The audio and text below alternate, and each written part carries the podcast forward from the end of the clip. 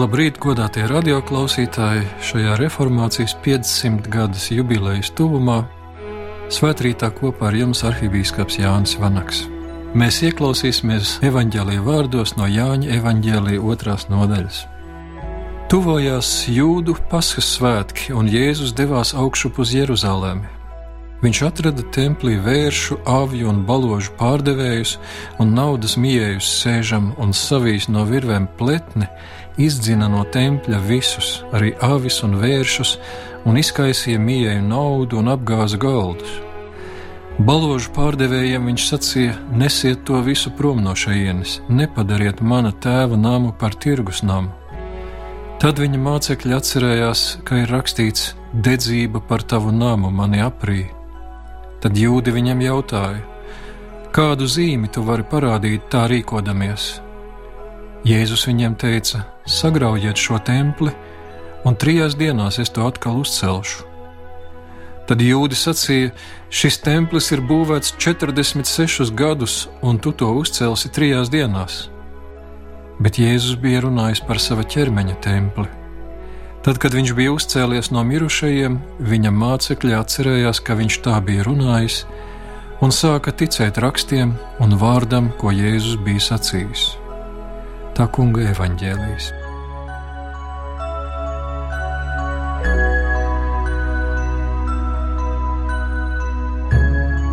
Lūksim!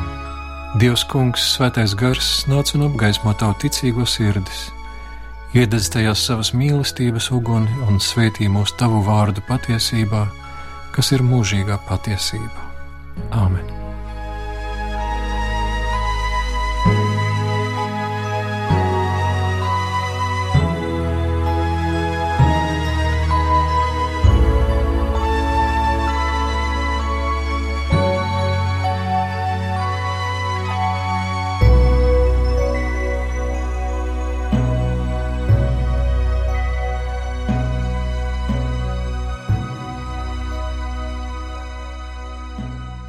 Kristus mīļotie, es jūs sveicinu šajos reformācijas 500. gada dienas svētkos. Un šī uzruna Kristus mīļoties šķiet tāda īsti iederīga šajā reizē, jo reformācija pirmkārt un joprojām ir stāsts par mūsu kungu Jēzu Kristu un par viņa mīlestību uz cilvēkiem, uz visdažādākajiem cilvēkiem.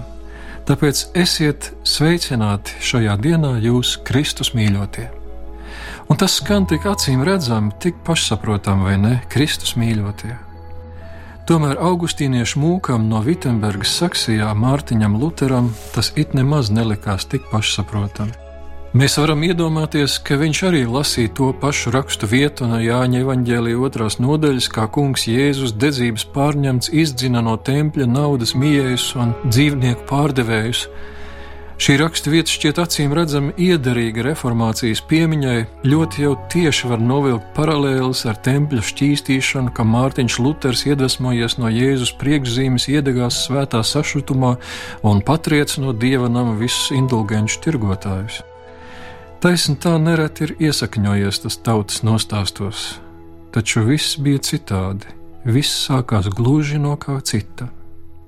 Tik iedomīgs Luters nebija, lai apcerot šo notikumu, iztēlotos sevi kunga Jēzus lomā. Viņš drīzāk sajūta sevi grēcinieka lomā, kurš gaida, ka nu pat pār viņa muguru kritīs dieva pātaga un patrieks viņu pašu ellē ratā. Mēs lasām, ka kungs Jēzus pagatavoja pātagu no auklām, un varētu jautāt, kur viņš templī atnācis ņēma auklas. Nocīm redzot, jau tās pašas, ar kurām tempļa pagalmā bija atvesti vērši un auni. Un tieši tā tas dzīvē notiek.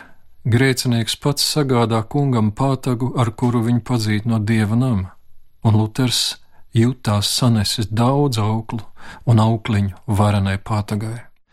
Viņš gāja un gāja uz grēksūdzi un sūdzēja vismazākos sīkumus, līdz kamēr pat Bigstēvs jau sāka viņu sūtīt prom un teica, lai nākot tad, kad patiešām būs kaut kas nopietnas, ko sūdzēt, taču viņš nekad nejūtās droši par savu glābšanu, nekad nejūtās darījis pietiekami daudz, lai glābtos no soda. Viņš pat devās svētceļojumā uz Romu, jo par tādām lietām bija apsolītas soda atlaides, Taču svētceļojums nevis atnesa mierinājumu, bet vēl vairāk lika viņam šaubīties, jo viņam likās, ka baznīcas svētajā pilsētā dievu neviens neustver nopietni. Taču Lutheram dieva vārds bija ļoti nopietni, jāteic pat nāvīgi nopietni, jo svētā dieva bauslība viņu apsūdzēja un notiesāja uz nāvi. Lutera dvēseles mokas un iekšējā agonija norāda uz kādu problēmu viņa laika Romas baznīcas mācībā. Arī tolaik baznīca, protams, zināja par to, ka Kristus ir miris par cilvēces grēkiem un viņa asinis izlietas par daudziem grēku piedošanai. Taču mācība par to, kā šis Kristus nopelns sasniedz grēcinieku, nebija skaidri noformulēta vismaz ne tā, lai nopietni ticīgu atbrīvot no šausmām par tiesu un sodu. Varētu teikt, ka trūka savienojums starp Kristus krustu un grēcinieku, kuru Kristus grib glābt. Lutera izmocītajai sirdsapziņai bija lemts kļūt par rentgenu, kurš atklāja šo locītavas slimību. Tas, kā baznīca šo starp posmu bija centusies skaidrot, glābšanu tomēr kaut vai daļēji atkal padarīja par cilvēku uzdevumu. Tā sakot, slīcēja glābšanu vismaz daļēji ielika paša slīcēja rokās. Lutera atziņa bija tā, ka bauslība, kura prasa darbus, gan apsūdz un uzrāda cilvēku pūliņu nepietiekamību, bet nepasaka, kā no šīs apsūdzības glābties. To cilvēkam paēst evaņģēlijas.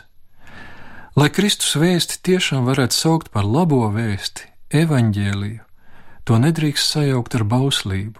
Tie jāatšķir un jālieto tur, kur vajadzīgs. Bauslība, lai bezrūpīgi grēcinieku vestu pie nožēlas un atgriešanās, un evaņģēlija, lai dziedinātu satriekta nožēlnieka sirdi un iededzinātu tajā mīlestību uz Dievu un tuvāko, kas izpaustos pateicības labos darbos.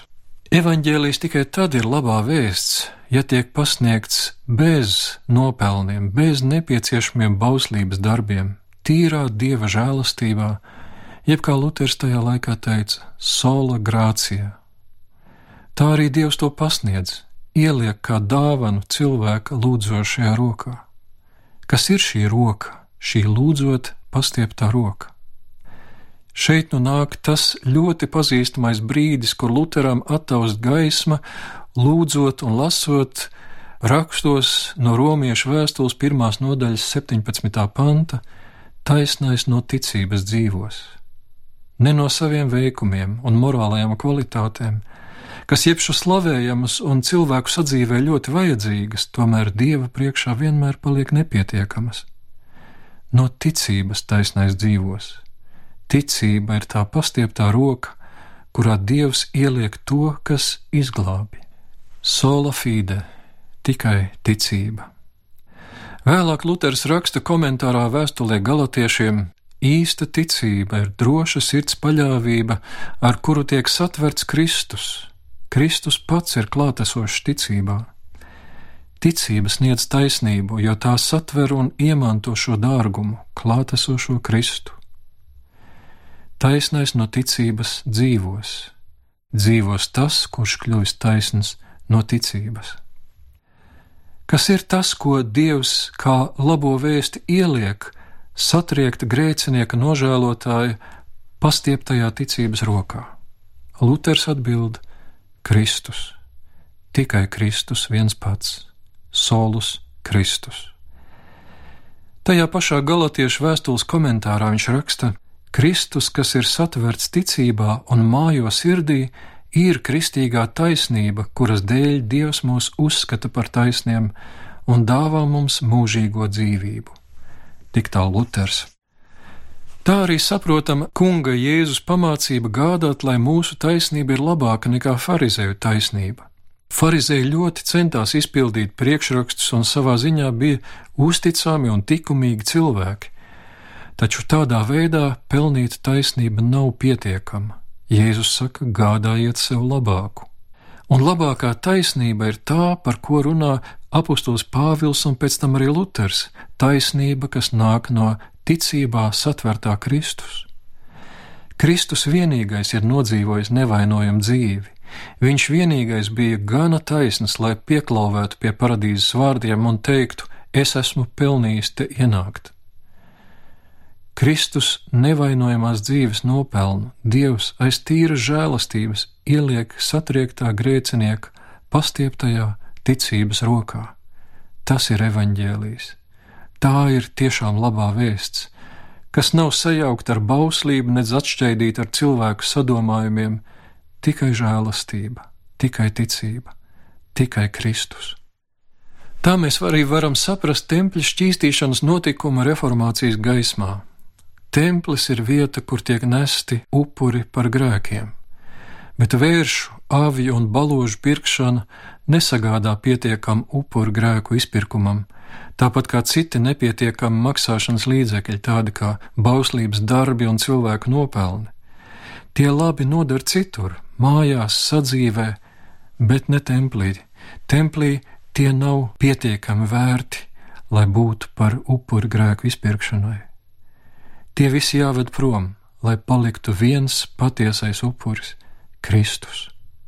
Baložu pārdevējiem Jēzus teica: Nesiet tos prom no šejienes, un interesanti, zvirbuļi drīkstēja palikt, tie, kuri nekrīt zemē bez dieva ziņas. Bezdalīgs drīkstēja palikt, kas atrada sev līgstu pie kunga altāriem, kā 84. psalmā. Kraukļi drīkstēja palikt tie, kuri nesēja, nepļauj, bet debesu tēvs tos baro, bet baloži, kurus pirka un pārdeva, tie nedrīkstēja palikt. Attiecības ar Dievu nav veikals, tur nav nekā pērkama un pārdodama. Tādēļ Luters tā iedegās jautājumā par indulgenču tirgošanu, apzināti vai pārprasti, taču tā tautu vedināja par naudu pirktā papīra lapā bezrūpībā meklēt to mierinājumu un drošību, kuru viņš pats ar drebēšanu un asins sviedriem bija atradis Kristū. Un kad viņam jautāja, kādu zīmi tu vari parādīt tā rīkodamies, un viņam bieži to jautāja tādā vai citādā formā, viņš rādīja uz Bībeli, uz Dieva vārdu, uz rakstiem. Mācekļi pēc Kristus augšām celšanās arī sāka ticēt rakstiem, tikai raksti sola scriptūra. Svētie raksti, kas skaidri liecina par vienu, par Kristu, kurš ir īstais upuris un ir lielāks par templi. Viņa ķermenis ir īstais templis. Tas tika sagrauts pie krusta, taču viņš to uzcēla par jaunu trijās dienās un augšām cēlās lieldienu rītā. Viņa ķermenis ir īstais templis un turpina darboties zemes virsū kā Kristus baznīca. Mēs tā esam. Dieva draudzene, kas ticībā pārtiek no dieva žēlastības un nes labo vēstu pasaulē, vienīgi dievam pienesot godu un slavu, jeb kā Luters teica, soli deo gloria. Mēs ne tikai pulcējamies dažādās draudzēs, mēs esam dažādi. Dažādi ir mūsu dievnami, dažādi ir mūsu dievkalpojumi, Mūsu Lutheriskās baznīcas vidū ir bijušas karstas debatas, kuri ir īstie luterāņi, melnajos talāros vai baltajās albās, tie, kam dievkalpojums ir pēc tā saucamās A kārtības vai C kārtības, taču tās tieši ir lietas, kuras Luters uzskatīja par otršķirīgām. Lutheriskā identitāte drīzāk jāmeklē šajās piecās reformācijas sola - tikai žēlastība, tikai ticība, tikai Kristus, tikai raksti tikai Dievam slava. Lai mūsu pieeja tādēļ būtu vienotība būtiskajā, brīvība otršķirīgajā, mīlestība visās lietās. Mūsdienās par luterisko identitāti ir daudz pārpratumu. Luterāņi esot tie, kas ticības lietas neņemot tik stingri un kuri Bībeli neuzskata par tik milzīgu autoritāti, ka tās dēļ vajadzētu pretoties laika gara tendencēm. No līdz šim runātā gan vajadzētu būt skaidram, cik nesaderīgi šādi spriedumi ir ar luterisko reformāciju. Zem nāves draudiem, kad no viņa prasīja tikai vienu vārdu - revoko, es atsaucu to, ko esmu rakstījis vai runājis, Luters atbildēja: Mana sirdsapziņa ir dieva vārda gūstā. Es nevaru atteikties un to nedarīšu, jo rīkoties pret sirdsapziņu ir bīstami un negudri. Mana sirdsapziņa ir dieva vārda gūstā, sola scriptūra. Te es stāvu un citādi nevaru. Dievs palīdzi man. Par ticības nopietnību runājot, nepievilsimies. Luters tikpat dedzīgi iebilst kā pret viltus drošību no indulgenču pirkšanas, tā pret lēto žēlastību bez atgriešanās no grēkiem. Neaizmirsīsim, ka mierinājums no taisnošanas ticībā viņam nāca pēc agonijas, grēkatziņā un nožēlā. Pirmā no 95 Lutera tēzēm skan mūsu kungs un skolotājs Jēzus Kristus sacīdams: Atgriezieties no grēkiem un ticiet uz evaņģēlī, ir vēlējies, lai visa ticīgo dzīve būtu grēknožēla. Nevis grēka normalizēšana un legalizēšana, viņš droši vien varētu piebilst šodien. Ticības nopietnībā un uzticībā svētajiem rakstiem ir meklējama luteriskā identitāte. Atskatoties uz 500 gadiem kopš aizsākumiem, ir jāatzīst, ka reti kura kustība, ja nu vienīgi pati kristietība ir ietekmējusi kultūru un civilizāciju tik dziļi un daudzpusīgi kā reformācija. Sola skriptūra princips lika gādāt par Bībeles tulkošanu tautu valodās, Lutera Bībele ļoti izkopa un bagātināja vācu tautas valodu. Viņa tulkojums ļoti iespaidoja to saucamo King James version angļu tulkojumu, un līdz ar to angļu valodā runājošo tautu valodu un priekšstatu pasauli. To pašu var teikt par Ernsta Glika Bībeles tulkojumu latviešu valodā. Lielā mērā mēs šodien runājam, domājam un sapņojam Glika Bībeles valodā. Uzsvars uz rakstiem prasīja arī lasīt prasmi visā draudzē, tas savukārt ļoti veicināja izglītību. Tautas izglītošanai Luters sarakstīja savu visietekmīgāko grāmatu, kur arī reizē ir vismazākā grāmata, proti mazo katehismu, pēc kura lasīt prasmi mācījās arī latviešu bērni gadu desmitus un simtus. Lasīšana attīst domāšanu, veidot dvēseli, un tā gadiem ejot reformācijas idejas izpaudās literatūrā, glezniecībā, mūzikā, arhitektūrā, zinātnē, protams, baznīcā. Tā ietekmēja sabiedrības struktūras, pilsētu un valstu pārvaldi, veicināja progresu šī vārda labajā nozīmē. Taisni apbrīnojami, cik daudz spēja paveikt brīvi dāvināts evaņģēlijs un tā atbrīvots cilvēku gars. Protams, tas nebija tikai Luters, ar viņu bija Filips Melanchtons, Johannes Bugenhagens un viņa mīļotā Kēte, jeb Katarīna von Bora, un ja nebūtu bijis gudrā kurfirsta Friedriha Saksijā, varbūt mēs par Luteru šodien neko nezinātu. Latvijā te bija Andrijas Knopkins, Silvestrs Tegetmejers, Johannes Brīsmans. 1522. gadā, tas ir gadu pēc Vormas Reikstāga, kur Luters teica savus šeit es stāvu un citādi nevaru vārdus. Reformācija sasniedz Rīgu un Livoniju, un iespējams, ka Rīga bija pirmā pilsēta pasaulē, kurā rātis lēmumu kļuva par luterisku pilsētu. Kopš tā paša gada Latvijā pastāv Lutāņu baznīca, kur ir piedzīvojis dažādus laikus un pārmaiņas, taču pēctecīgi un nepārtraukti ir sludinājusi evaņģēliju un kalpojusi cilvēkiem. Šodien to sauc mūsu mīļā Latvijas evaņģēliskā luteriskā baznīca, kas savu 500 gadi atzīmēs pēc pieciem gadiem 2022. gadā, tātad tagad mēs varam atzīmēt arī savas baznīcas 495. gadskārtu. Noslēgumā gribu pieskarties vēl kādam svarīgam tematam. Par reformācijas sākuma punktu uzskata 1517. gada 31. oktobri, kad Mārtiņš Luters pielika Vitsenbergas baznīcas durvīm lapu ar 95 tēzēm. Ievadā bija teikts: Mīlestībā uz patiesību un vēlmē to izgaismot, Vitsenbergā par zemāk uzrakstīto tiks noturēts disputs, ko vadīs cienīgtēvs Mārtiņš Luters, brīvo mākslu un svētās teoloģijas skolotājs, kurš turpat ir arī pastāvīgs lektors. Tādēļ viņš lūdz, lai tie, kuri nevar klātbūtnē ar mums disputēt, mutiski to darītu rakstiski. Mūsu Kunga Jēzus Kristus vārdā Āmen! Tātad Lutera tēzes nebija aicinājums izstāties no baznīcas un veidot jaunu, tas bija aicinājums uz teoloģisku disputu, uz dialogu. Diemžēl šis disputs tā arī nenotika. Lutera tēzes žigli aizgāja uz augšu pa instancēm, kā mēdz teikt, un drīz vien atgriezās ar represijām. Drīz Luters tika izslēgts no baznīcas. Šis disputa jeb dialoga trūkums bija vislielākā nelaime gan reformācijai, gan baznīcai. Mēģinājums reformācijas balsi apspiest ar varas līdzekļiem, kā arī lielās politikas iesaistīšanās, galu galā sašķēla rietumu baznīcu divās daļās, kas turpināja savu ceļu nošķirti viena no otras.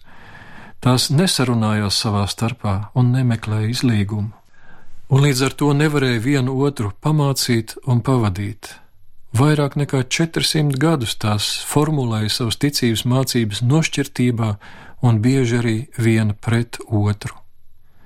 Un tomēr pašā galvenajā Lutheriskās baznīcas dokumentā Augsburgas apliecībā ir rakstīts par tās sarakstīšanas mērķi, proti atšķirīgos viedokļus un izteikumus savā starpā mīlestībā, lēnprātībā un laipnībā apusēji uzklausīt, apdomāt, apspriest, lai atgrieztos pie vienas vienkāršas patiesības un kristīgās vienprātības.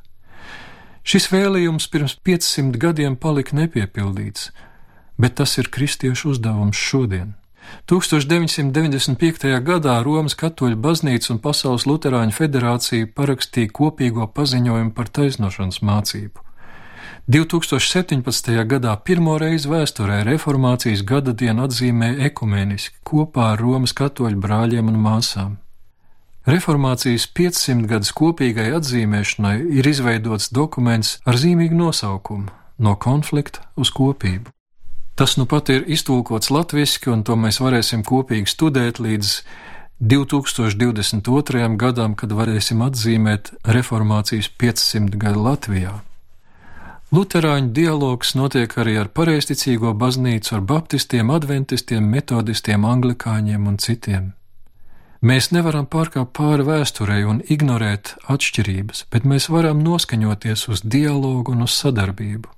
Ir tik daudz, ko mēs varam darīt kopā un jau darām kopā par labu mūsu visu Latvijai. Šī ir tādi laiki, kad vieglāk vienosies Nevis, teiksim, protestanti visi savā vidū, vai varbūt pat katoļi savā starpā, bet tie visās konfesijās, kas ticībā uz Kristu stāv uz rakstu pamata. Te mēs, Kristus mīļotie, stāvam un citādi nevaram, lai Dievs mums palīdz. Āmen!